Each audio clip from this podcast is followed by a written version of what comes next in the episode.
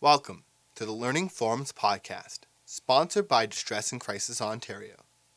Learning Forums offers programs specifically designed for DCO member organizations. This podcast is meant to inform, educate, and support your work. Enjoy the program, and we welcome your comments and feedback at learningforums.ca slash contact with the subject podcast.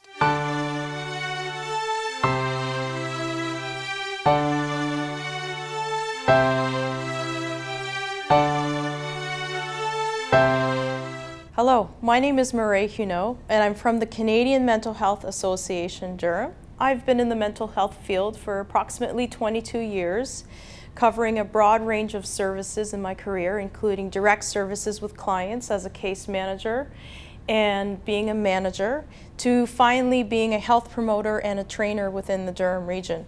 It is my pleasure to talk to you today about obsessive compulsive disorder. I'd like to start first by addressing mental health. In your mind, what is mental health? For each of us, that answer varies because we're all different. So, for example, if I look at my life, mental health for me is getting up and it's sunny outside and I've gotten a good sleep. I know that I've gotten a good start for my day, but it may be something completely different for you. It might be the fact that it's the weekend and you get to sleep in. Or it might be the fact that you've been on a weight loss regime and suddenly you've lost weight and you're, you're feeling well. So it varies. But when we talk about mental health problems, now it changes a little bit. So, what is the definition of mental health problem then? Well, it's a broader term that includes both mental disorders and symptoms of mental disorders which may not be severe enough to warrant a diagnosis. And we'll get into diagnosis in a minute. But it's important to remember that half of us in any given time, in any given year, will have mental health problems. But remember, it may not be severe enough to warrant a diagnosis. So let's look at the next definition then. What is a mental disorder? Well, a mental disorder causes major changes in a person's thinking, emotional state, and behavior, disrupting someone's ability to work and carry out their usual personal relationships. So you can see that it's a diagnosis and it also affects every area of a person's life, including relationships. So, what are examples of mental disorders? Well, Currently, there is the DSM 5 out, and that stands for the Diagnostic and Statistical Manual of Mental Disorders. And it's in its fifth version, and it's a manual that classifies all the different mental disorders or mental illnesses that you could possibly get. Okay, it's hundreds of pages long. But for our intents and purposes, I'm going to give you a few examples. So, mental disorders can be classified in a few main areas such as mood disorders, which can include depression and bipolar, anxiety disorders, such as generalized anxiety disorders, post traumatic stress disorder, and the one I'm going to talk about today, which is obsessive compulsive disorders. But they can also be classified under personality disorders and psychotic disorders. What is obsessive compulsive disorder? Well, it's a two part definition. In order to properly define it, we have to look at one piece, the obsessive piece, followed by the second piece, the compulsive piece. Obsessions are unwanted and inappropriate recurrent thoughts, impulses, or images that the person cannot get rid of. Some of these thoughts can be terrifying and involve themes of death and violence. You may be thinking to yourself, I thought OCD was just keeping my desk tidy. But in reality, obsessive compulsive disorder can be far more debilitating than that. Because not only do you have the obsessive piece, but you also have the compulsions that follow the obsessive pieces. So when we look at the definition of compulsions, we're looking at saying Compulsions are repetitive behaviors used in attempt to relieve the sufferer of their unwanted thoughts. So if you can imagine it like a cycle, you start with a thought, and it's usually a thought that's terrible or horrifying. If you can picture the worst horror movie you've ever seen and it being played in your mind over and over and over again, despite what you do to try to make it stop, it doesn't stop. So the next step would be trying to stop using rituals or compulsions. And that's what happens. A person with obsessive compulsive disorder might have a thought that if I don't clean my house with Javex bleach every day, every other day, someone, the intrusive thought is, someone's gonna die if I don't do this. Those thoughts can be that dire. So it really illustrates the seriousness of this disorder um, if someone is diagnosed with this. So you start with the thought, then you have the compulsion, so the compulsion to clean the house. And then sometimes it subdues the thought a bit, but sometimes it doesn't. And a lot of times, people who suffer from obsessive compulsive disorder have feelings of guilt and shame associated around their rituals. So we see that cycle happening. Other forms of compulsions, I've already mentioned one in terms of compulsive housekeeping, but it can manifest in a number of ways. Any behaviors that someone is using to try to alleviate the intensity of the thought that, that keeps coming into their head. So, other examples can be excessive grooming or excessive hand washing. For example, it's not washing your hands after every time you go to the bathroom. It's washing your hands every time you have the thought that you're being contaminated with germs. And if you don't wash your hands, something bad's going to happen to you or somebody that you love.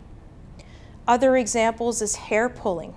So that's one. And I'm not going to try to spell this out, but it's called trichotillomania, and that's a hair pulling disease. And sufferers will do this again to try to alleviate the stress and anxiety associated with hair pulling. So I mentioned anxiety. This is why obsessive compulsive disorder falls under the anxiety disorders category.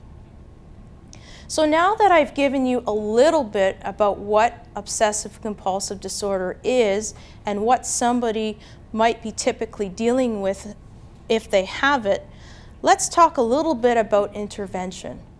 Because it's one thing to be diagnosed with something, and it's another to be, to be able to recover and, and recover early. Many people have a long delay between developing a mental illness and receiving appropriate treatment and support. The longer people delay in getting help and support, the more difficult their recovery can be. If you can imagine having an alcohol problem, it may start out as a few drinks per day or a few drinks per week, but over time, if that person continues drinking, it can become a drinking problem, turning into alcoholism where now it's a very serious problem where people need the drink all the time. So, having mental health problems can look similar. So, we have a lot of people that have potential to be diagnosed at a young age, and for whatever reason, and there's lots of reasons why people don't address their mental health early, but they let it go. And here's the other fact about intervention that's important people are more likely to seek help if someone close to them suggests it. So, in other words, personal supports are really important and are really part of somebody's recovery process. And it's during this early intervention phase that giving mental health first aid or uh, some information can play an important role. So, I mentioned the word mental health first aid. What does that mean? Well, mental health first aid is like a first responder approach to something that's going on. So, if any of you have ever taken the St. John's Ambulance first aid course, you know that the purpose of taking that first aid is to help someone feel calm if there's something happening to them. But you're not necessarily going to be the doctor or surgeon that conducts an operation on that person.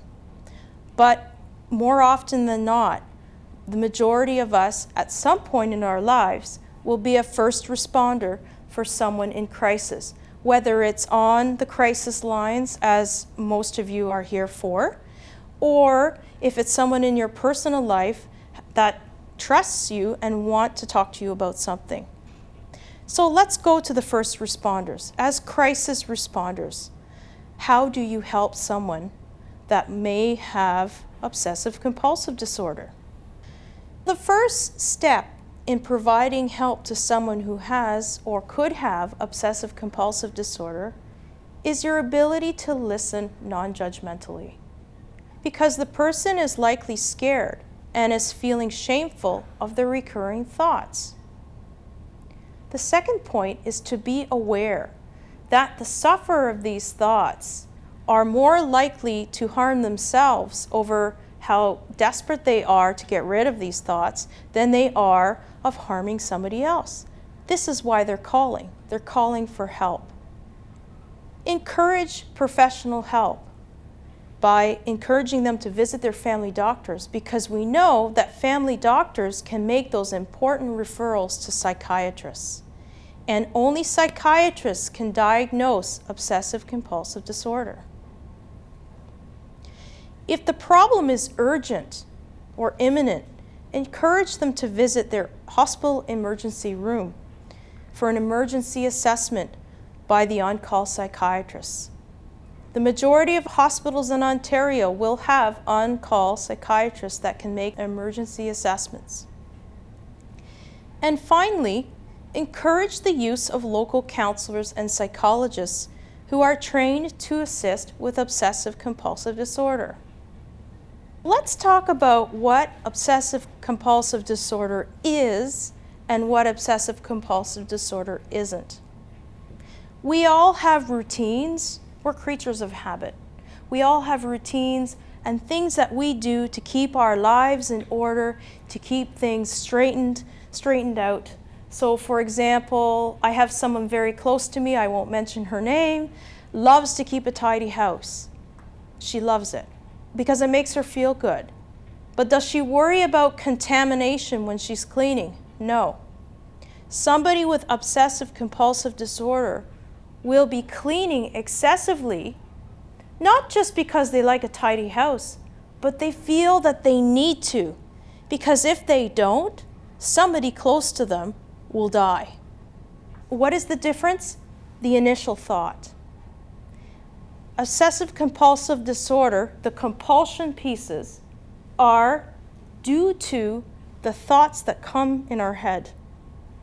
So, for example, I might have a thought that if I walk on the sidewalk and if I cross the cracks on the sidewalk, something bad's going to happen to me by the end of the day. So, what do I do? When I walk on the sidewalks, I compulsively avoid stepping those cracks.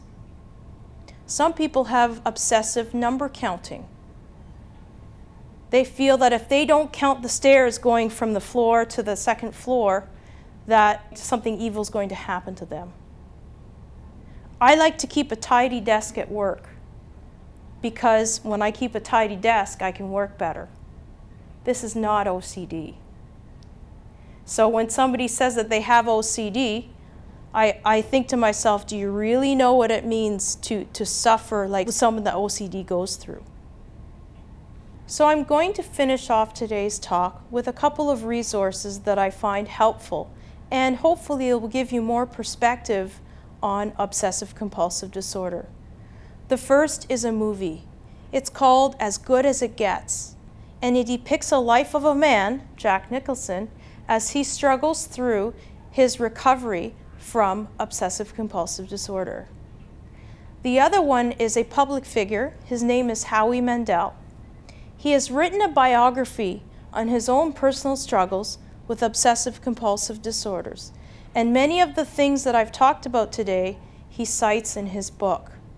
A couple more resources. you can always check out the Canadian Mental Health Association Durham. It's a community mental health organization that's free of charge who is staffed by people who can talk to you if you're wondering if that's what you're coping with now today. Your community mental health organizations across Ontario, such as the Canadian Mental Health Association, are there to help you and to answer any questions. And finally, there's a lot of websites that can really help you to understand obsessive compulsive disorders, including the Canadian Mental Health Association Durham that has fact sheets on obsessive compulsive disorders that you can download among other mental disorders that we do illustrate on our website.